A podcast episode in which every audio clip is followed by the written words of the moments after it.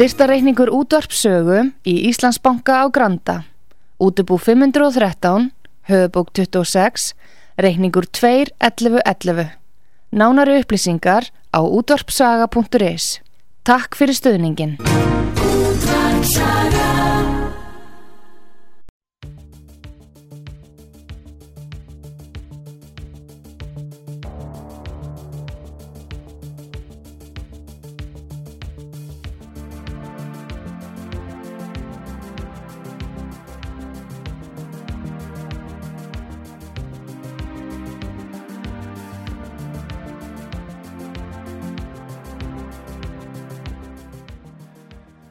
Já, komiði sæl, ég heit Arnar Þór Jónsson og hjá mér í dag er Guðni Gunnarsson lífsráðgjafi.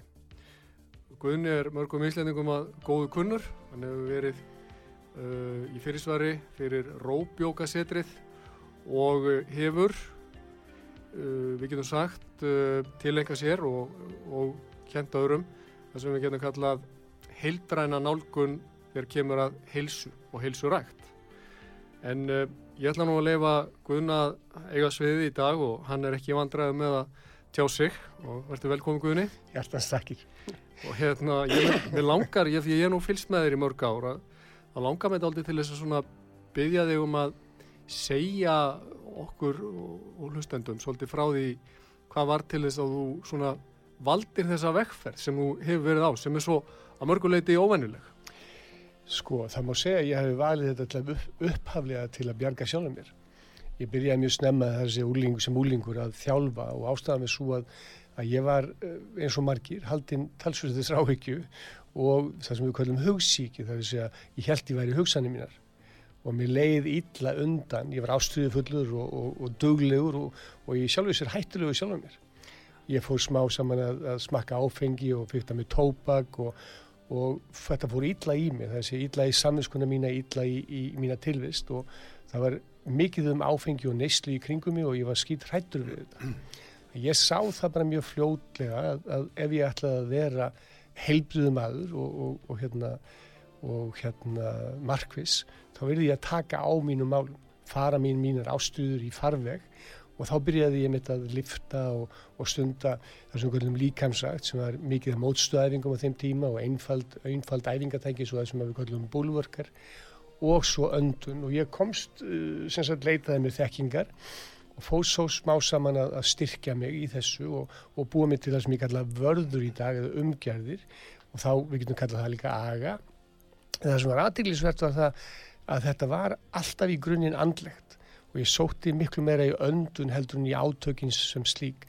Og ég fann að ró í þessari, þessari reyfingu og svo fór ég smá saman að samtvinna þetta við hugmyndafræði, ég fór í Guðsbyggjifélagið, ég var, hafði, hafði snemma sko verið mjög, hvað heitir það, uh, sólkin í þessum við kallum biblíusögurnar og, og, og þaugfræði sem krakki var í alin upp í, í hérna, biblíuskólanum og þar sem við gott á þannig að þessi gildi og, og, sérstaklega þessi gildi sem að, að, að koma að kærleik og væntumþykju og aðgátt í nærveru sálar voru ríki minni tilvist og ég tvinnaði þessu saman og þetta virkaði mjög vel fyrir mig. Þannig að þú hefur svona áttað á því snemma að, að þetta er satt sem að rómverðinni sögðu að það verður að vera heilbrið sál í hraustu líkama Þar var friðurinn Ég fekk útrás í reyfingunni en svo þurfti ég að finna frið og, og oft tölum við um það að hætta að hugsa eða hægja á hugsunum okkar. Mm -hmm. Það er ekki beint hlaupið að því en allt sem þú veitir aðtegli vex og dafnar og ég fann minn styrki því að veita aðtegli því sem ég vildi en Já. ekki því sem ég vildi ekki. En það er heilmikið áskorum fyrir sérkvæmt mann er það ekki að velja, sko velja rétt að þessu leiti. Festast ekki einhverjum þráhyggjuhugsunum og og, og velja þá jákvæðar hugsanir og íta þá rustlinu freka til hliða. Já, við þurfum ekki einu svona ítaði til hliða vegna þess að ef þú veitir aðtikli einhverju þá í sjálfu sér fer ljósið þitt þangað þannig að hismið fer þannig að það er kunstin í þessu en þá komum við öðru. Já. Hvað þarf til að veita aðtikli og hvað er aðtikli? Aðtikli er ljós, það er ekki hugsun mm -hmm. Og þó að við getum hugsað í vitund og þá er aðtikli bara ástkærleikur þakklæti það móðilega skilgreina aðtegli sem uppaf og aðal auðlind þína tilvistar orkan sem þú hefur dráðstöðunar Ok, má, má sko, þetta er góð samlíking, en mætti nota þá, mætti svona til þess að auðvelda mér og öðrum að skilja þetta, getur maður hort á lífið sitt sem nokks konar leiksvið Já. og getur maður þá hugsað um þetta svona eins og þú sérti ljósameistarinn að beina kastaranum að hérna ákveðin svona völdum, hvað maður segja, hlutum sviðsins og völdum personum. Algjörlega. Ef við einföldum þetta svolítið og Já. segjum bara allt sem þú veitir aðtikli vex og dafnar. Ef þú veitir því aðtikli sem þú vilt ekki, þá ertu að valda því. Sem Já, þá ertu að valda því. Já, alveg Þá eins og að kalla fram á sviðið personur sem þú vilt kannski ekki að séu í aðhlutverki í þínu lífi. Og, ég býtu, ef þú ert að kalla þér fram, þá viltu það. já, Og við þurfum kannski aðeins að tilgreina hvað þetta þýðir, að því að, að vilji, Já. vald, val, vilji er öflugastu orðið í íslensku. Það er ekkit orð sem ég hef komist yfir á íslensku sem er öflugur heldur en vilji, sem er vald að velja, viljandi, val. Og þetta stendur svolítið um það að vilja sig mm, eða vilja sig ekki. Já, Ef þú vilt þig, þá hefur þetta vald. Ef þú vilt þig ekki, Já. þá ertu valdlaus. Svo komum við að þessari aðtikli sem við erum að tala um. já, Þú, þetta er góð líking að við séum ljósa meistarar og er ljósið uh, eins og sólargeisli að, að, að streyma í gegnum stakkunargler sem brennur hvað fyrir fyrirverður eða er það að streyma í gegnum kámut gler sem að skila sér bara sem, sem lítiljós eða týra. Ert þú, þú ljósameistari í þínu lífi sem ert byrtir ert þú ljósameistari í þínu lífi sem er dimmir eða skuggavera? já, Hvað ert þú að gera? Hvernig hugsaðu og hvernig, hvernig kemur þú fram við þig? Flestir eru mjög upptek, uppteknir af því að, að vera stöðut að hafna sér og afneita og er í persónlegu einelti gagað sín einn tilvist. já. Margir þar. Já, er, þetta, er, þetta er hérna, sko þetta er sennilega rétt lýsing, uh, en hún er ekkit óbúslega, hún er ekkit, hún, hún, hún rýmar ekkit sérstaklega vel við margt í, í kultúrnum eða menningun okkar þar sem að það er alltaf verið að stilla upp sem að aðrir séu sko vestir við okkur, Já, en ég heyr einhvern tímann þessa lýsingu sko ef þú ættir að finna hann sem er búin að vera leggjaði mest í einelti og valdaði mestu tjóni og fengi teðkifæri til að sparki rassinu á honum eins fast og gætir þá eru þeir illt í rassinum í dálítið langan tíma. Því að það er þú sjálfur. Er við. Og, er við, og ég sjálfur, gagast mér. Já. Í öllu samhengi að þá erum við ekki að sína okkur mildi, við erum að nota þessum einhverjum kvartningu og við höfum okkur hluta vegna lært að, að sé best að hrinda okkur áfram, skamma okkur áfram og hafna okkur til, til, til velsældar. En þetta er náttúrulega eins mikil, mikil, mikil öfugsinna eins og mögulega er. Já, þannig að svona, þannig er í þessum ef maður er í þessum gýr, ef við getum kallað þetta gýr sko, þá er maður fastur í einhverju svona reyði og ásökunum og slíku. Og þetta er andstaðan þá með, við það að dvelja í ljósinu og kærleikanum eða hvað. Já, þú ert í sjálf og sér, já, þessum stað ertu bara fórnalamb Það er að segja að þú ert fórnalega með þessi eigin sögu á þínu sviði og þú ert að lýsa upp vettvang vannmáttar í staðið fyrir máttar. já, merkilegt sko, ég hérna, ég eh, er að hlusta, ég vil, ég, þú, þú átt sviði Guðni, ég vil bara segja það, en Við- ég við- verð að koma þess að samt sem áður. Deilum sviðinu. Já, af því að þú varst að lýsa að þú hefði verið sko alveg upp í biblíusónum Mm -hmm. og ég er að hlusta á hérna Mósebækur núna þegar ég er að fara að sofa, ég er með þetta hljóðbók. Já, og mér finnst það svo ótrúlega merkilegt, ég er nánast hrökk upp núna um daginn eða eitthvað kvöldið. Og er að segja söguna af Jósef og bræðrum hans. Og bræðirnir eins og margir hlustendur þekkja þeir höfðu, í hann var svo mikið eftirlæti föðurins að þeir höfðu hent honum hon í brunn. Og skilja hann eftir og síðan höfðu þeir komið tilbaka nokkur og selt hann í þrældum til Egiptalands og síðan eins og menn þekkja þá þróast þetta með ótrúlegum hætti og sagan segir frá því að hann lendi í þrældómi og, og hérna og síðan verður hann kemst það til metor og verður í rauninni æðsti ráðgjafi farás í Egiptalandi en það er svo merkilegt og mér finnst þetta svo stórkonslega setning sem kemur þarna fram í fyrstu Mósebók, 41. kabla þá kemur þessi setning sem að var til þess að ég rökk upp hún er einhvern veginn þessa leið að hann egnaðist tvo sinni þegar hann er komin í þessa stöðu og hvað gerir hann? Hvað skýrir hann elsta svon sinn? Hann skýrir hann manas sem að þýðir hérna, drottin hefur hjálpað mér að gleyma uh, fortíminni og ætt og þannig maður sem er orðið fyrir svona mikil persónleiri höfnun sem gæti dvali í reyði og, og alið með sér hemdarhug í garð ættar sinnar og bræðra og svona.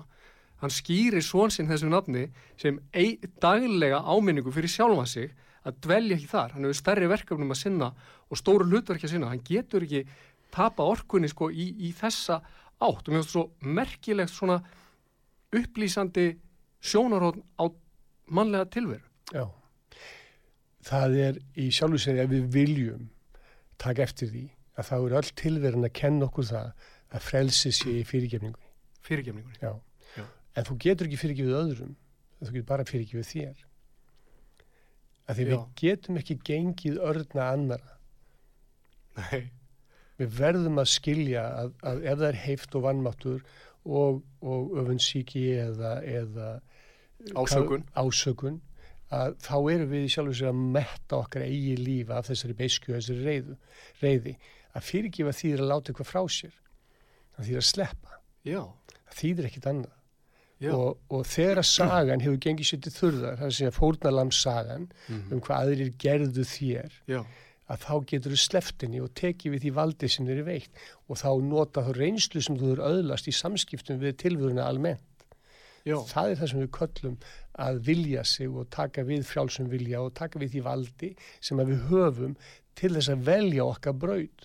Já. Áður vorum að tala eins um tilgangi. já, Það talaði um það stundum að, að það sé flókið fyrir fólk að finna tilgang eða að þú saðir reyndar og saðir að tala um það að fólk verið að leita að tilgangi. mhm, Það þarf ekkert að leita að tilgangi. Tilgangun er alltaf svo sami. mhm, Hann er að gefa af sér, að, að beina ljósi og þeim gjöfum sem að við höfum til umráða í þá allra.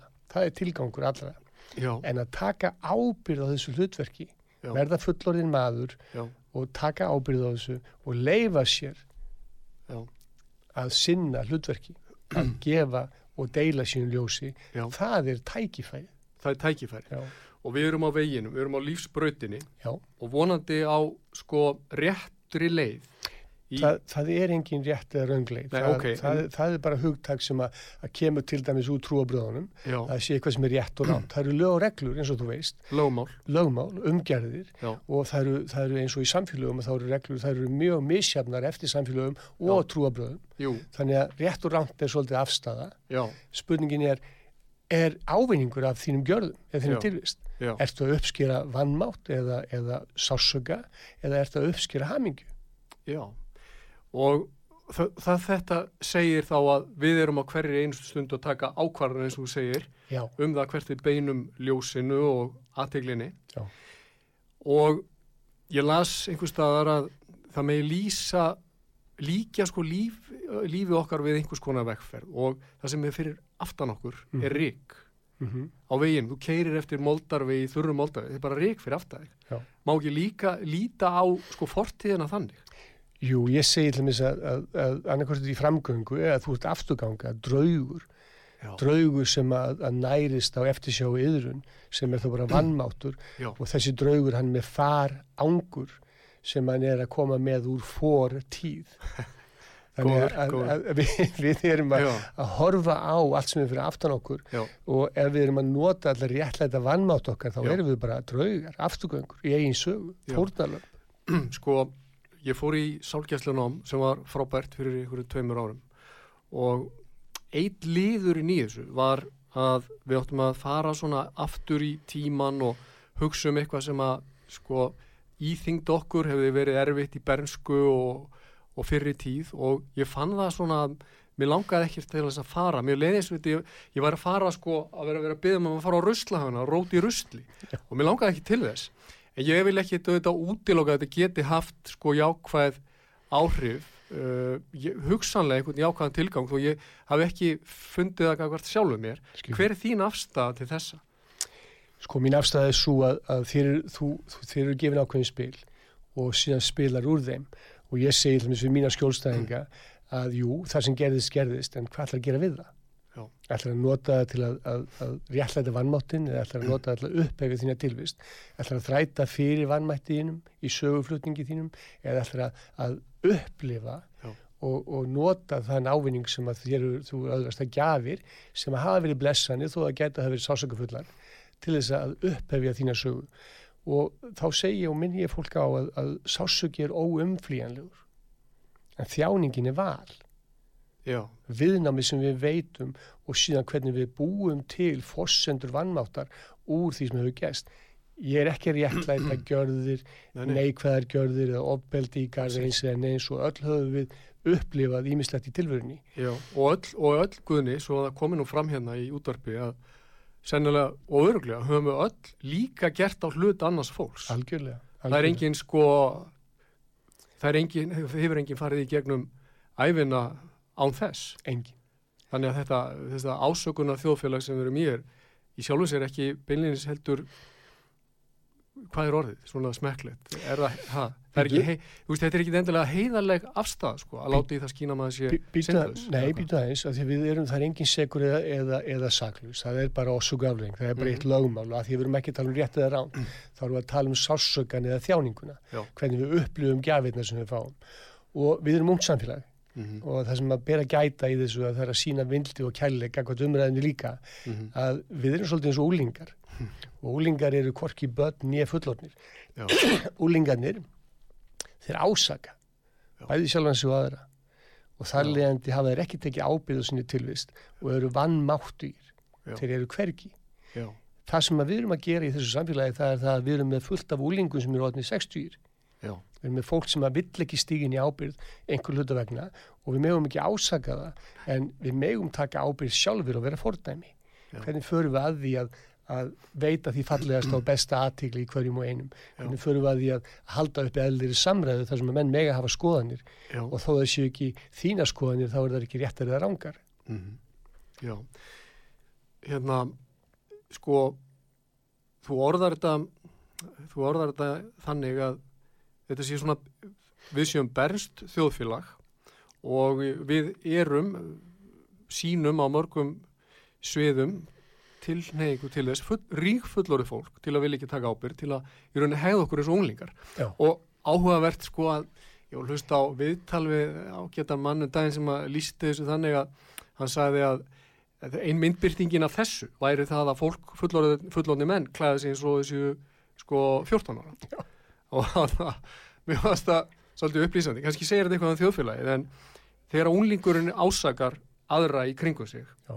þá skinja, svo ég reynir þá líka að vera sangjarn eins og þú segir þá skinja ég í því svona ákveðna sjálfstæðis bara ákveðin svona vilja til að brjótast undan og sína að sé sjálfstæður Já. Er það ekki? Jú, það er, er tilnefingin liggur í því að, að vera öðruvísi heldur en til dæmis fullorðinu fólkið. Já, úlingarnir vel ekki vera fullorðnir af því að það er svo leiðilegt það er svo leiðilegt að vera fullan þá er alls konar skildur er það ekki? Jú, jú, og, og, Já, og, og þá, þá þarftu að stígi fætunar, stígi rætunar og bera heilan ávöxt, Já. þarftu að leggja ykkur að mörkum. Já, Og ólingarnir vilja halda í það eins lengi og þeir geta, þurfi ekki að gera það, vilja sofa frammettir og vera í tölvuleikjum og þar sem Já. Ólingavikin ég skilgreina þannig, ef þú ásakar þig eða annan, Já. þá ertu að réttlæta þína tilvist. Ef þú þart að réttlæta þig, þá ert í vannmætti. Og þannig við þurfum að horfa svolítið á þetta í þessu samhengi. Hvað gerir það verkum að við erum ekki tilbúin til að taka ábyrðu okkar lífi, okkar tilvist, okkar andadrætti, okkar næring, okkar orðafæri, okkar hugsunum? Hvað gerir það verkum? ég, ég ætlaði mitt að fara að spurja þessara, svip- þessar spurningar bara, ef þú hört með svarið áður en að ég ég er með eitt svar, það er mörg svar. Það er það að við viljum okkur, við treystum okkur ekki. Við erum búin að, að, að ganga í sklokka okkur í langan Já. tíma, gera lítið okkur, hafna okkur og, og meiri sé að sanna það að, að vannmáttu okkur er réttlætanlegur með því að, að segja ósatt, fresta, ljúa, svíkja og bretta, Já. þykjast ætla og, og hérna langa ég vil og þrá, Já. en við viljum ekki að því að við höfum ekki tekið við valdinu sem þarf til að velja þá vegferð sem við teljum okkur vilja, en viljum samt ekki. Og þá erum við orð- orðin fórnarlömb í eigin sögu. já þetta er, þetta er gott sko eh, þetta er í sjálf sér slæmt en þetta, er- þetta er gott svar Góð byrjun. Við verðum að vera byrjun. heiðarlegir ef við ætlum að breyta ykkur. Já, algjörlega. Sko, þannig að þegar að fólk bara, ef þetta er rétt, og ég held að þetta sé rétt, að stór hluti almennings á hverjum degi í rauninni gengur í skrokk á sjálfum sér með hugsunum sínum og, og á atferli ímuskonar sem að skadar bæði líkamlega og andlega heilsu. Ég held að það sé alveg ljóst. Að þá veikir það viðnámsþróttin og dregur úr möguleikum okkar á að vera sjálfstæðir einstaklingar. Já, megnið af orkunni fer í viðnám, fer í ströggl og tregðu og þetta að afneita sjálfum sér og sinni tilvist. Ok, en má ég spyrja þig út í þetta því þú lýsir þessu svona sem viðnámi vegna þess að þess að ég, þegar ég horfi sko á þjóðfélagsumræðuna þá, þá hefði ég einhvern veginn mér hefði þótt svona eðlilegt að tala um þetta sem viðnámsleysi vegna þess að veist, það sem ég sé og nú bara þetta með öllum fyrir mér og ég hefði rámt fyrir mér er að það kemur fram einhver sem að sko veit allt best og við á hverjum degi fréttónu sjáum einhvern koma fram sem veit allt best, hann er sérfræðingur á þessu sviði, hann hefur kennivald og, og þá sem sagt er kultúrin sínist mér að þá veru núna og kannski aldrei verið verri, ég veit það samt ekki að þá, þá þorir fólk ekki að vera í viðnámi. Og það flýtur með og kallar, sig, kallar þá afstöðu góða því að það er að hlýða reglum og hlýða leiðbenningum þeirra sem vita best og, og, en það, þú veist, það, eins og ég horfa á þetta þá finnst mér að skaða aftur bara svona eðlilegt fjölbreytt samfélag og orðuræðu og samtal þegar að svona stór hlut í rauninni tekur ekki ábyrð á því sem er að gerast, tekur ekki ábyrð á sjálfum sér og veitir ekki viðnám. Þa- Þannig að mér langar að beða um að útskýra þetta eins. Fórum svolítið á, ef við bökkum tilbaka eins, að því að þú átt á hverju einastu augnabliki tvo möguleika. Já. Það er að velja aðtegli sem er ljós eða veðla viðnám sem er skortur og ljósi sem er streyta sem er þá ótti. Já. Og þetta, það sem við erum að tala um núna segjum til dæmis að, að það sé ekki valdi viðnám, að það sé ekki verið að valda viðnámi til dæmis þessari, uh, uh, hvernig á ég orða þetta, þessari valdbeitingu að, að einhverjir einir menn hafi rétt fyrir sér Já. og þá, það, það, það er ekki fossenda viðnáms að því að þetta fólk trúir því Já. að þetta sé leiðin já, og við verðum að, að bera virðingu fyrir þeir, þeirri skoðun. Þetta Já. fólk að það er jú hrætt og þannig er, er, þannig er mentaði menn sem að, að koma með lausnir, allavega sem að, að, að, að líta út til að vera lausnir já, og fólk þorir ekki að andmæla þessu. Og ef þú andmælir að þá ertu komin á skjön og það er það mikill ótti sem er byggður að fólkið er hrætt en er í framgöngu óttans þannig að það tekur þátt í valdbeitingunni með þessum aðila sem þú að nefna. Og þá er spurningunni og þetta er stór spurning Já. við hvað er þetta fólk, við hvað er fólk hrætt? Þú ert aldrei hrættu við neitt um að sjálfa þig. Þú getur ekki óttast neitt annað heldur en þína eigin tilvist. Það er þú sem þetta hræða því frá mótum til kvöls já, svo er misað hvað ert orðin tættur og þreyttur hvað það er lítið ljós eða mikið ljós á þinni peru. Já. Það, við vitum það að þegar við erum orkurík og kvíld og nærð, þá erum við hugrögg. mm En leiðu við verðum þreytandi og leiðinleg og, og tærð, þá erum við huglaus. já, Þannig að, að orkan okkar, hugreikið, áræðinin, gengur svolítið út á heiðarleika og heilsa er heiðarleiki. Að vera í jafnvægi og vera í einingu og, og, og þurfi ekki að vera með allt bælt eða, eða, eða læst í ammörkuðum skápum, heldur að geta komið fram eins og við erum klætt, segja Já. satt.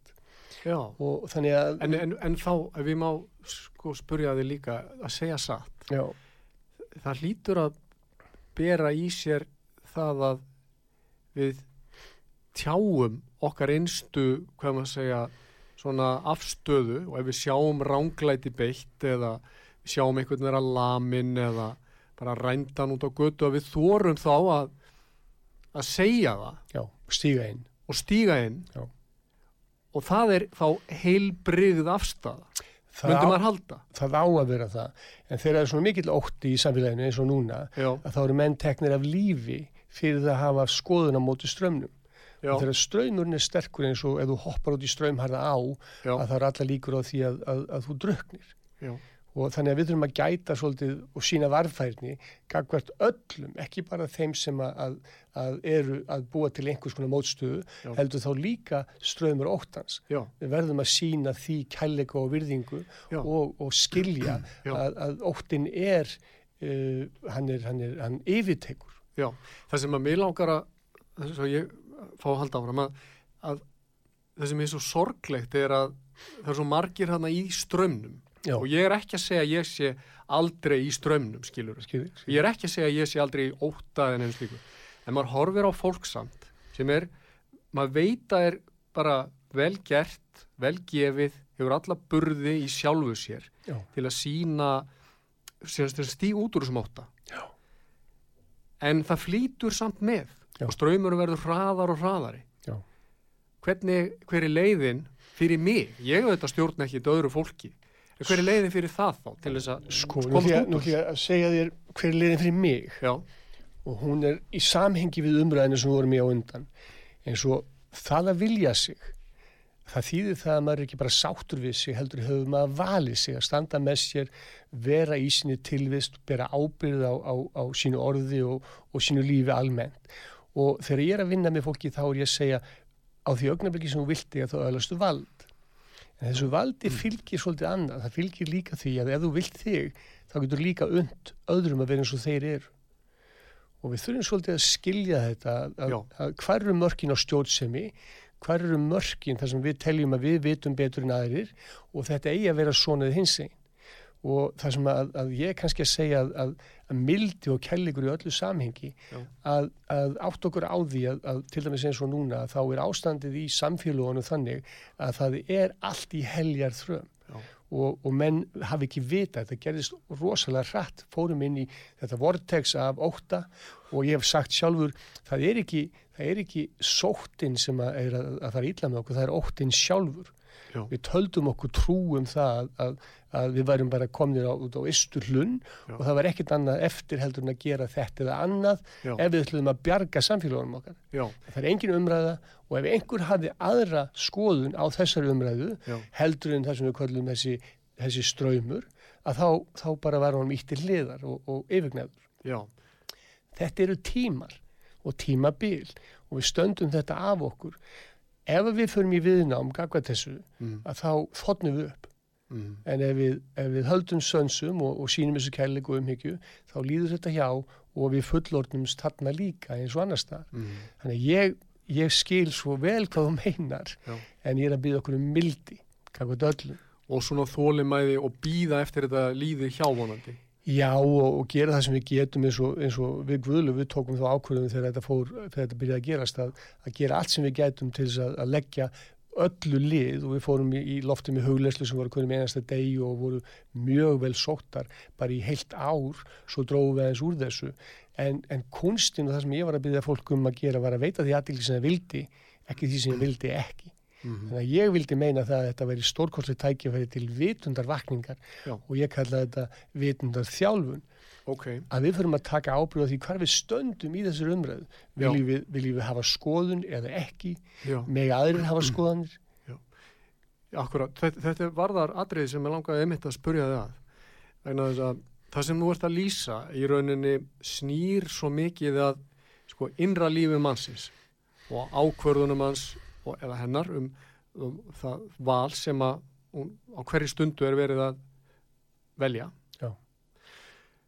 Uh, hvert beinu aðteklin og öllu því. Þannig að þetta er innra líf mannsins. Það sem ég, sem ég langaði þess að heyra þín sjónamöðum er á sama tíma heyrum við svo út í þjóðfélaginu áherslu á það að þú ert kona, þú ert uh, veist, í þessum stjórnmálaflokki, þú uh, lítur svona út, rauðherður eða, eða veist, hvaða væri skiluru og alls konar merkimiðar notaðir. Og síðan meira segja getum við sagt að það eru notaðir merkimiðar sem að virðast vera eins og þeir eiga yfirtaka allt okkar líf þú ert hérna e, hvað starf þú gegn, starfið þú gegn? Veist, ég er ekki starfið mitt, núna er ég lögmaður Já. en ég er ekki starfið mitt Skilur. áður var ég dómari og ég var alltaf í viðnámi gagvart því að, að þegar fólk var að gera mér upp sko einhverja lífs einhverja lífsafstöðu eða hvaða skoðan ég mætti hafa eða hvernig ég mætti tjá mig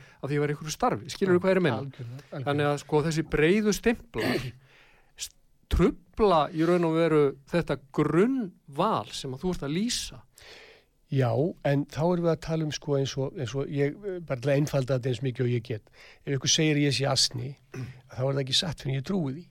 mm. Þannig að við stöndum frammi fyrir því að það eru gríðarlega hræringar í samfélaginu og það eru hræringar í öllum samfélagum allstaðar og svo erum við með þetta stóra tækifæri på borðinu sem við kallum COVID. En COVID er ekki vandamál.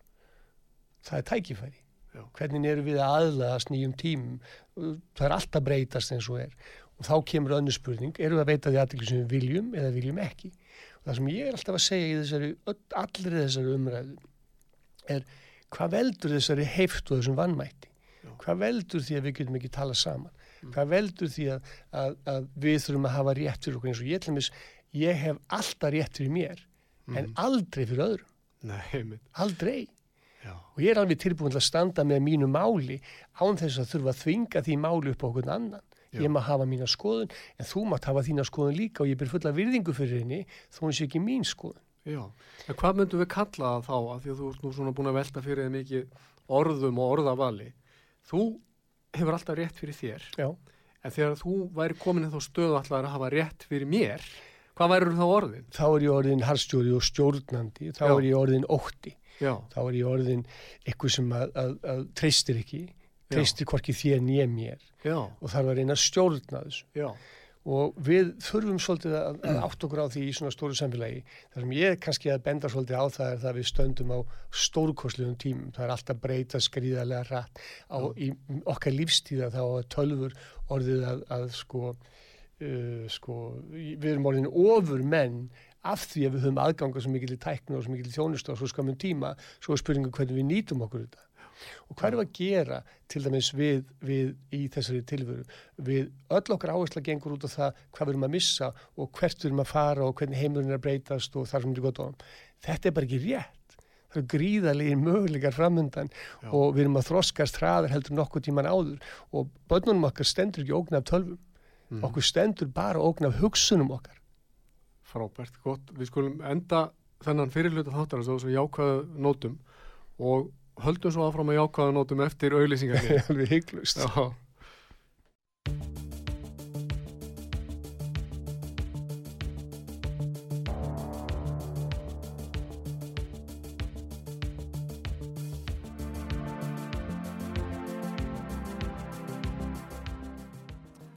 Komið sæl aftur, ég heit Arnar Þór Jónsson og hjá mér í hljóstofi situr Guðni Gunnarsson lífsráðgjafi og við erum að fara svona yfir stóru málinn má segja, grunnin í tilverunni og grunnstillingarnar. Við erum nú ekki að gefa okkur út fyrir að svara þessu beint eða hvað, Guðni, við erum bara svona ég myndi segja að þetta væri bara umræð okkar á milli Já. við erum að skiptast á skoðunum hérna algjörlega. og við höfum báður rétt fyrir okkur Já, og það var akkurat það sem að mér langaði, að- mig langaði að taka upp þráðin frá, sem, frá því sem frá var horfið að sko, í því sem að þú ert að lýsa byrtist ákveðið grunntraust myndi ég segja til einstaklingana. Já. að þeir séu færir til þess að velja fyrir sig. Ekkit endilega fyrir aðra. Þeir eiga að, að hafa það vald það er að segja við kallum frjálsam vilja. Og við eigum að treysta fólki umbúðlust alveg eins og ég treysti barninu mínu. Og að, að því að það að treysta er að styrkja með að þú efast þá er það veikja. Og við eigum í sjálfu sér að hvetja menn til að vera besta útgáfan af sjálfum sér. Þannig verðum við besta útgáfan af okkur sjálfum. Já. að því við gefum bara það sem við eigum Já, sko, og þá ég spyr vegna þess að ég sé svo mikið í, í svona nútímanum þá verið að segja og, og, og svo mikið vantraust gagvart fólki, við þurfum sérfræðinga við þurfum hérna, hinn og þessa til þess að segja okkur hvað rétt er að gera og hafa vit fyrir okkur Já. hvað segir um það? ég sé að, að, að það eru heilu stjættirna sem byggja sína framfæslu á því að, að hafa rétt fyrir öðrum. Og það verður bara að fá að vera eins og það er. Ég ætla ekki að setja út á það en ég er að segja við okkur tækifærið er að vakna til vitundar taka fulla ábyrð okkar tilvist sem að þýðir að verða fullorðin og heil og taka við þessu valdi sem okkur er veitt. Já. við erum að velja okkur í einastu augnabliki að velja í vitund eða velja óviljandi. Að það eru afleðingar af öllum ákvörðunum. Það er engin ákvörðun sem að þegar þú tekur ákvörðun um að taka ekki ákvörðun þá er það að taka ákvörðun. Já, þannig að viljum við taka ákvörðun sem er í vitund, viljandi eða viljum við taka óviljandi ákvörðun? Þú nefnir orðið vilja og tengir það ofurðinu vald og þetta er samstopna væntalega já, og þú nefndir frálsamvilja já, og um, mér langar að spurja þig aðeins að spurja þig aðeins út í þína afstöðu til þessa stóra hugtaks í lagalegu og siðferðilegu og pólitísku samhengi. mm Sko, frjálsvilji út frá mínu lögfræðilega sjónarhóli er grundvallar hugtak og grund, bara hotsteinn bara lagana. Já. Það er að segja fólk það gengi út frá að fólk hafi frálsa vilja og fólk takja ábyrð á orðum sínum og gjörðum svo heyrir maður svo viða núna að fólk er með vil draga það í efa við séum með frálsa vilja og í því fælst væntalega einhver hugmyndu það að við séum forrituð, það séu hormón og alls konar hérna, efnaskipti sem að í rauninni stýri för okkar í gegnum lífið. Hefur þú pælt í þessu? Já, já, ég hef gert það og, og kynnt mér þetta á, á ymsum suðum. Sjáðu til. þú ert aðtíklið, þú ert orkað, þú ert ljós. Þú ert ekki hugsaðin þín eða hold. Samt er aflýðingar að því hvernig þú hugsaðar eða hvernig þú framkvæmir. Það er bara eitt lögmál, það er ásúk aflýðing. Við erum með með stæðist afbók tilvöðunar í, í höfðinu. Ef við erum alltaf að rýna niður í neikvæðni þá eru efnaferlin í höfðunadur öðruvísi heldur þú lítur upp. Ef þú er bjassín og, og traustur og styrkur, ef þú hefur aga og stendur til dæmis við orðitt sem er heilagt, að þá verður þú trúverður og öflugur og þar leðandi sterkur og traustveikandi. Svona maður hann lifir öðruvísi heldur en maður sem vill ekki taka ábyrð, maður sem vill ekki bera ábyrð á gjörðun sínum. Frjálsviljið þýðir að þú hefur alltaf val, það þýðir ekkit annað. Í öllum aðstöðum hefur val. Ætla að líta upp, ætla að líta niður? Ætla að hafna þér eða ætla að standa með þér? Já. og þannig að það, hvernig við hugsum, hvernig við hefðum okkur hvernig við borðum, hvernig við nærum okkur, hvernig við kvílum okkur þetta hefur vissulega áhrif. Og þegar þú ert búin að koma þér í þannig ástand að þú ert bara skuggi af þinni tilvist og framkvæmir eitthvað sem er til dæmis lögbrót, þá hefur þú samt frjálsan vilja og hefðun þín bæði aftur og baka áfram veldur síðan þínum gjörðum og, og, og, og hérna, ákvörðunum sem hefur svo hefur afliðingar Já. og þú berð fulla ábyrð á gjörðunum alveg sama hvernig þú vektir þig. Já, hérna, ég veit ekki hvort ég hef sagt þér þessa sögugunni en ég get sagt hann á tveimu mínútum. Og það tengist þess að þú múst að segja. Mm. sko, ef að maður formálinu þessi, ef að maður sko tekur ekki þessa grunnastöðu sem þú múst að lýsa Já. þá er maður í rauninni að lýsa yfir einhvers konar ábyrðaleysi myndi ég halda. valdleysi. valdleysi. Ok, en sko sagan er þessi.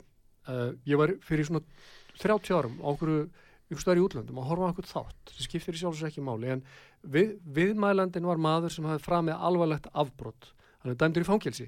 Hann hegðaði sér ítla í fangelsinu og hann fór alltaf verri og verri deil þannig að hann endaði hann í dýfstu dýflissunni í allri fangelsisbyggingunni og það var ekki gluggi á henni og það var moldargólf.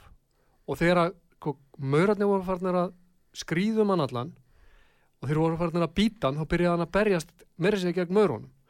Þá hann til að lísti þessi eins og þætti að það var það var svona hugafarsbreyting Já. og hann fór að ákveða að taka ábyrð á sinni tilveru.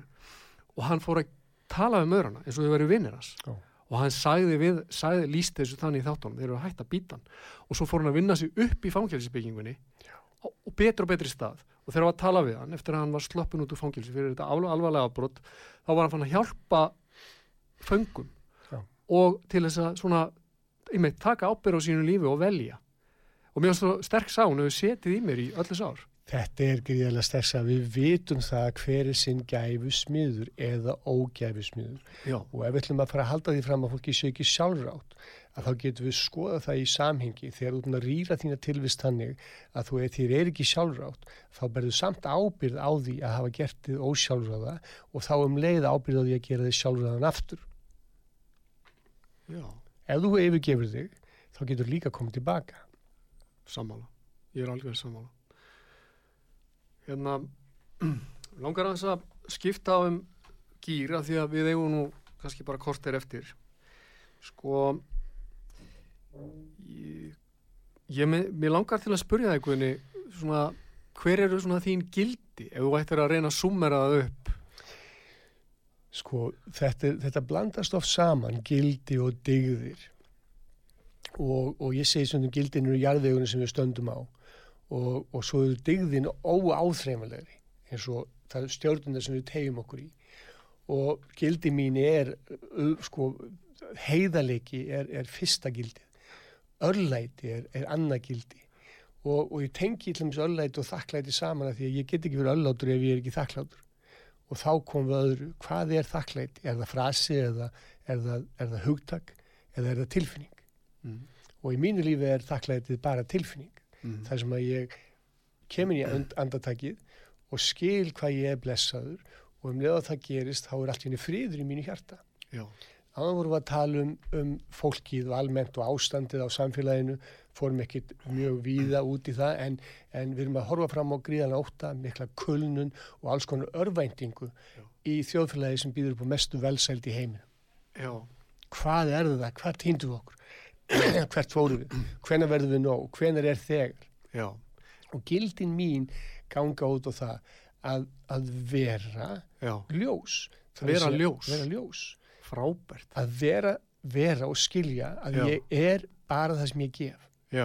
Svo, þetta er fallega sagt sko, þetta er líka svo stert því að hérna, ég gleymi ekki, ég fór, þegar ég fór til Indlands, þá var allir að vara með því, þetta var svo hræðilegt, það var svona ekki fátækt og örbyrð og eitthvað svona og svo heyrir maður alltaf í fréttonum hérna í nánast daglega, við erum svo ríkt þjóðfélag. Og, og þar að leiðandi er gengið út frá því einhvern veginn að okkur gangi svo vel, en þegar við horfum í kringum okkur í vestrannu þjóðfélagi, þá sjáum við þetta sem þú ert að lýsa. En svo þegar, ferð, þegar ég fór til Indlands, þá Já. sá ég ljós Já, í hverju einasta andliti. Já, allir voru brosandi. Á svo skrítið, börnin og fullorðna fólkið, allir sem ég mætti voru brosandi en þú getur gengið um göturnar því miður á Íslandi bara heil, dögum saman liggum við á þess að fá Já. á þess að fá þetta ljós sem að í rauninni við ættum að vera Já. við eigum að leifa þá ljósinu að skína í gegnum okkur er það einhver leið til að lýsa þessu? já ef, ef við erum í svona mikil velsæld sem að við sannlega höfum aðgangað þá væru við í örlæti sem tíður brosandi og lifandi og björt og það er svona eins og að því að ég var að segja frá þessu að þá, að þá segi ég alltaf á Vesturlöndóðum þá trúum við því að árangur sé hamingja. En það, í þroskæri löndum þá vitum við að hamingja er árangur. Wow. Þannig að kunstinn er átt að segja á þessu að, að þegar þú hafnar þér já, þá ferðu á mis við allt sem er fallegt. Já, og þá komum við öðru. Okkur stendur ógn af okkar eigin hugsun okkar eigin hegðun í okkar eigin garð við erum ekki að, að, að líta á ljósið og kelleikan og blíðun í okkar tilvist við erum ekki einlæg og herlegandi heitlandi verur lengur að því að við erum búin að yfirgefa okkur við erum búin að hafna okkur það lengi að við stöndum alla undir okkar eigin tilvist og þess vegna erum við skjálfandi á beinunum að því við treystum okkur ekki lengur já. Hamingja er árangur. Þetta er aldrei sterkur punktur Já. Og, og alveg þver öfur við það sem þú segir eins og orðar þetta þannig að árangur væri hamingja. Mm ég, ég get algjörlega tekið undir þessa lýsingu hérna. En þess vegna langar mig að byggja þig að deila nú með mér og hlustendum sko því að, því að ég ger ráð fyrir því að hverjum degi þurfið þú líka að stilla áttavitan og fara út í daginn með vitaður um þetta val sem þú ert að lýsa og hver er sko þín morgun rútína frá því þú vaknar og, og, hérna, og þá getur þú ferð út í daginn til að stilla þig af? Sko þetta er einhver leiti misjátt því ég breyti þessu en svona öllu jöfnu þá vakna ég til til að snemma fjögur eða fimm á mótnana og, og fer þá og gef mér smá tíma í að, að sko þetta hljómar sérkynlega ég fer alltaf beint í vaskin taka úr grindinni og hérna ef það er eitthvað sem hefur ekki verið þrifið frá deginum áður að þá þrýf ég það og, og geng þannig frá vaskinum að það, allir aðrir sem komu eftir mig komið að reynu borði. Síðan fæ ég mig kaffisopa og sestu tölvuna byrja á því að kíkja á póstana mína og, og hérna og hérna Facebook og það sem ég þarf að sinna og ef það er eitthvað sem ég þarf að posta eða gera þá klára ég þessi mál öll og þegar þetta er búið þá fer ég í, í sturtu en ég fer í sturtu með mér þannig að ég er í sturtunni í vitundarþjálfun að njóta vassins og njóta því að þrýfa af mér þar sem að, að, að sem sagt, uh, hvað ég segja, ég vil eril næturinnar. Síðan legg ég á stað út í daginn með hugleðslu þannig að segja annarkvort fer ég í beina hugleðslu sem ég sit í hugleðslu eða ég fer í reyfingu sem ég er þá annarkvort að deila með fólki eða þá ég er að gera bara einn og sér. Þannig ég byrja alla daga á einhver svona reyfingu, öndunræfingum eða hugleðslu eða einhverju sambærilu það sem ég langar að nefna hins vegar sem ég tel vera ennþá mikilvægara heldur það hvernig ég byrja daginn minn mm. það er það hvernig ég enda daginn minn og ég enda daginn minn í þakklæti þar sem ég fer yfir það hvaða er sem að það er blessanir sem hafa borist mér og, og, og, og kem inn í tilfinninguna leggst hann í rúmið að ég set mér í frið og ég fer ekki að sofa með neitt íþingjandi hvorki í hugan ég hjarta.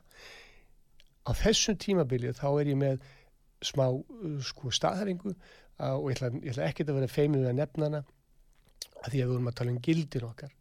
Að staðhæringin er svona, ég er auður, döglegur, heilbriður, hamingisamur, kærleiksíkur, þakklátur, grannur, vald mikill, fullkomin og öllát vera.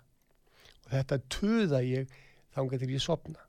Þannig að þetta eru gildin mín, þetta eru staðhæfingar sem að ég stiðst við og talandu um þessi orðu auður þýðir velsælt, almenn velsælt. Ég er ekki að tala um peninga þó að sé engin auðlegð án fjármags, þá er fjármagn aldrei auðlegð. Fullkomin að vera mættur til fullu sín í mín eigin tilvist, að taka ábyrðu mínu gjörðum, ég fullorðin og heilvera sem ber heilan ávöxt. Vald mikill, ég er vald mikill í minni tilvist, mínu lífi. Ég veld mínu orði, ég veld mínum hugsunum, ég veld mínu næringu. Ég ber fulla ábyrð á mér. Og orðið ábyrð er svolítið merkilegt. Við tölum stundum um orðið ábyrð sem það er þér að kenna, taka á sig byrðar. En á ennsku þýður orðið responsibility, the ability to respond. Og á íslensku höfum við búið til orð sem heitir valfær að vera valfær vera en ekki óvalfær vera, að vera viljandi skapar í vitund, vera flugdryggi en ekki, ekki löf í vindi sem feikist um á, á, á, sem, á ósjálfraðan máta þar sem maður tekur enga ábyrð. Mm. Þannig að ég minni mig á það sem skiptir mig mestu máli að vera heilbriður og gjöfull og, og þannig að ég metta undir meðvutund, meðvutund mína af þessari uh, hugmyndafræði og síðan er, er þessi hugmyndafræði að gerjast á með mér um nóttina og svo vakna ég inn í þessa byrtingu á mótnana. Mm. Þannig að ég er að, að, að deila þessu að því að það er oft verið að tala um þessar morgunrútínu sem fólk gerir sem eru gríðarlega mikilvægar, hvernig maður stýgur inn í daginn og það mikilvægasta sem ég gerir kannski, svo ég sé algjörlega berskjaldadur, að þegar ég horfi í speilin þá segi ég við mig, ég vil þig umbúða löskunni. Og það þýðir ég veldir, ég tek fulla ábyrð á þessu augnabliki, þessari byrtingu Já. það tók mér 67 ára að búa til þetta augnablik. Ég vil þig, ég vil það. Já. Þannig að þú ert að lýsa í rauninni hugafarið til sjálf þín og, og lífsreins sem er í grunninn jákvægt og nærandi og uppbyggjandi en, en ekki allt hitt sko sem að kannski við vorum að tala um áðan. Sko áhyggjur eru bæn. Ef þú ert að veita því aðtili sem þú vilt ekki þá ert að valda því. Já. og það sem að ég gerir með farum í, í, í minni tilvist það er að beina aðtili minni, ljósinu mínu í farveg blessana. Já. en ekki vera að leita að böli eða bröldi eða, eða að réttlæta vannmátt við ákveðið einastu augnamleiki þá ræður því hvort að þú talar máli blessana eða hvort þú talar máli böls. Og ef þú blótar þá ert eins og sæmundu fróðið, þú ert að búa til púka. Já. Já, þetta er, þetta er gott sko, hérna, ég, ég vildi líka kannski, sko, því við erum að tala á þann um þetta með að vera í raunni í einhvers konar meðvirkni, mm -hmm. að hvernig verðum aður, hvernig getur við svona, já þú ert eiginlega búin að lýsa því, bara hvernig við byggjum upp heilstifta einstaklinga, þetta er, þetta lítur að líka eiga við um börnin okkar og, og barnabörnin, Vissulega, við ah. erum frumur í heild og það er engin fruma, við, ég tala um þig sem veru og svo tala ég um alveru sem er þá heildar vera tilvistar okkar. Já. Við getum kallað þetta guð eða hvað sem menn vilja kalla þetta en fyrir mér er þetta alvera og við erum verur, ef við erum í vitund, annars er þetta fjárvera. Og þá komum við þessu, ef þú ert ábyrg vera að þá skilur afleðingar þannig að gjörðu þínum og hagar þau í samræmi. Mm -hmm. ef þú ert óábyrg vera sem að við konum þá fjárvera þá ertu ekki að taka ábyrg á þínu framlegi mm -hmm. og það er oft kallað meðvirkni. En, en við erum meðvirk samvirk. Það er að segja að það verður engin undanskilin. Ef þú gerir eitthvað þá hefur það áhrif á allt eitt umhverfi. Þegar þú ert ábyrgur þá skilur þú þessar afleðingar og þá ertu í alltaf næri byrtingu heldur en þú vilt ekki vera ábyrg vera, þú vilt ekki vera fullorinn, þú ásakar allt og alla. Já, en er, sko, því, þetta er svolítið gott, sko, að þú vilt vera ábyrgur og fullorinn og í því fælst að það er til orða á íslensku sem heitir að vera myndugur, mm -hmm. sem að er svona af þessum Já, stopni, er svona orð. sko, myndur Já. að sko, er þetta ekki grunninn bara það að ákveða að vera maður með öllu sem því fylgir vegna þess að einhvers stað las ég hugmynda lýsingu á meðvirkni. Hún væri fólkin í því að þá erum við alltaf að bregðast við umhverfinu. Og, og dýrin út í mörkinni uh, eru búa við þar aðstæður þau þurfa alltaf að bregðast við. Það er, það er rándýr að koma það er fellibilur, það er þurrkur við þurfum að leita að vatni og svona en maðurinn hefur hennan einstæða hæfileika að geta verið myndur og tekið ábyrð á sinni tilveru Mhm. er þetta ekki eitthvað? Jú, þetta er, þetta er góð líking. Af því að, sko, ef við tölum um orðið að bregðast við, þá er það að vera óvalfær. Já. það er sama orð. Að velja viðbragð því að vera valfær. Þannig að þegar þú ert valfær þá ertu viljandi vera. Þegar þú ert óvalfær þá ertu óviljandi vera. Það þýðir ekki þessi ekki afleðingar á gjörðunum og þetta er eins og menn spyrja mig hvernig veit ég að ég er búin að taka fulla ábyrða minni tilvist? Og ég segi ef þú ásakar þig eða annan Mm. þá ertu ekki búin að taka ábyrð þá ertu ekki Já. valfær af því að þú ásakar þá ertu að hafna þá ertu að afneita. Já, það, það, hérna má ég skjóta inn að, ég heyrði, einhvers staðar heyrði ég þetta. Sko, sá sem er vannþróskaður hann ásakar aðra. Sá sem er lengra kominn, hann ásakar sjálfan sig en sá sem er komið lengst í þróskanum ásakar engan. Já, þannig er þetta meint Já, og við tölum um lengst í þroska spurningum hvernig við horfum á þetta. Að vera vaknuð, vöknuð vera þegar við sjáum þetta eins og ofti talaði um meðvitund að því við erum að tala um meðvirkni. Þegar þú ert meðvitaður að þá heldur þú sér hugsaðin þínar. En þegar þú ert í vitund þá veistu að þú ert sál. Já, já, þannig að, og ég veit að þetta flækir svolítið fyrir okkur þessi orðræða og hvernig við túlkum þessu hluti eins og það getur tekið langan tíma að skilja að aðtegli er bara ljós. A ljós tekur ekki afstuð já, ljós er bara hlustun, ljós er bara ást ljós er bara vitund, ljós er bara vera. Og aðtegli er þetta. Guðni ég verða að fá að spurja það að þessu. Ég ætla ekki að spurja það að þessu en ég, ég verði eiginlega að fá að gera það. Þú ræður hvort þú svarar já, ég ræði því. Þú ræður því vegna þess að og ég spyr vegna þess að við erum búin að tala doldið á svona andlegum nótum. Og um það, þú, þú orðar þetta núna áðan uh, að við værum sál. Við erum í meðvitund, var það einhvern veginn á þeim vitund, vitund, Vitund, þá erum við sál. Já. og ég nefnilega varð fyrir sko í rauninni andlegri reynslu fyrir ekkit löngu síðan. Og ég, á þess að ég ætla að fara að lýsa því eitthvað hér í útvarpinu skilðu að þá fannst mér ég bara sjá sjálfa mig í algjörlega öðru ljósi og ég sá eiginlega sjálfa mig utanfrá og það er svona skrítið, ég hef heyrt sonum minn hefur líst þessu, hann hefur mm. Mm. tvissa sinnum árið fyrir þessari reynslu nema hvað, að, þetta var mjög merkilegt og, og nú er tíminu auðvitað að renna frá okkur en við getum kannski eitthvað aðeins syndgað upp á þá náð að ég verða, ég geti eiginlega ekki sleppt þér úr þessu viðtala að spyrja þig af því að þú ert búin að vera, við byrjum þáttin á að tala um þessa vekkferð sem þú hefur verið á Hefur orðið fyrir einhverju svona sem þú getur sagt andlegri umpólandi reynslu? ekki eins og þú ert að lýsa en, en hérna ég hef fengið sko skilabóð Já.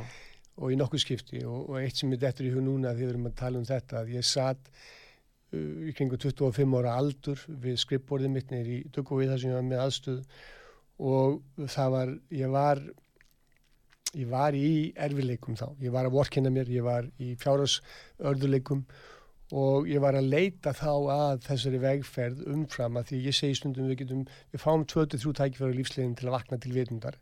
Ef við förum með siglum framhjá því að þá, þá erum við bara lifandi döði þá verðum við aldrei verur í vitund. Og ég hafði verið vaknaður á þeim tíma en, en, en glemt mér aftur og þarna var ég komin í erfileika og búin að skapa þá sjálfur og, og, var að leita leiða til að taka bæði ábyrð á þeim og leita lausna. Og, og ég var á kafi í því sem hvernig spiritisma, andlegum málefnum hér og þar, allstaðar sem ég gætt sóta og ég sitt þarna við þetta borð og allt í hennu þá heyri ég bara rödd inn í mér. Og hún er svona Guðni, ef þú ætlar ykkur tíma að ná tökum á þessu þá verður það að mæta á jörðina verður að koma inn í þína tilvist inn í þitt hold og skjóta rótum og taka þá ábyrð væntalega á mín, minni hegðun, minni hugsun og minni tilvist. Og þetta var svo skýrt og þetta hefur komið svona, ég fengi svona skilaboð þrjus og fjóru sem á lífsleginni en ég hef aldrei upplifað það sem að þú ert að upplifa að fara út úr líkamannum og horfa á mig mm. uh, sem sagt frá, frá þeirri sjónurhóðni þó hefur ég veit um, um marga sem hafa upplifað þetta. Mm. Og maður heyrir, ég sé, batnungur svona minn tvisasunum, bæðið sem ungur drengur og sem bara unglingur Já. lýsir svo, þetta var svo sestat Þetta er magnað, ég en hef, hef breytir svolítið svona hugmyndum hans um þetta, hvað skiptir máli í þessu, þessari jarðvist sko? Það, það, það, það eru, það misast hvernig við öllum streynslu en þegar maður verður fyrir svona upplifun þá breytist allt. já, nákvæmlega. En Guðni, nú er klukkan uh, sko orðin, nú, nú slær hún og tíminn er liðin en við höldum samtalin áfram uh, annarkvort hér í útvarpi eða þá í tveggjamanatali algjörlega. og takk fyrir að koma og alltaf gaman að hittast Hjartans þakki fyrir gangi mig. er allt í hægin Takk fyrir mig sem leiðis.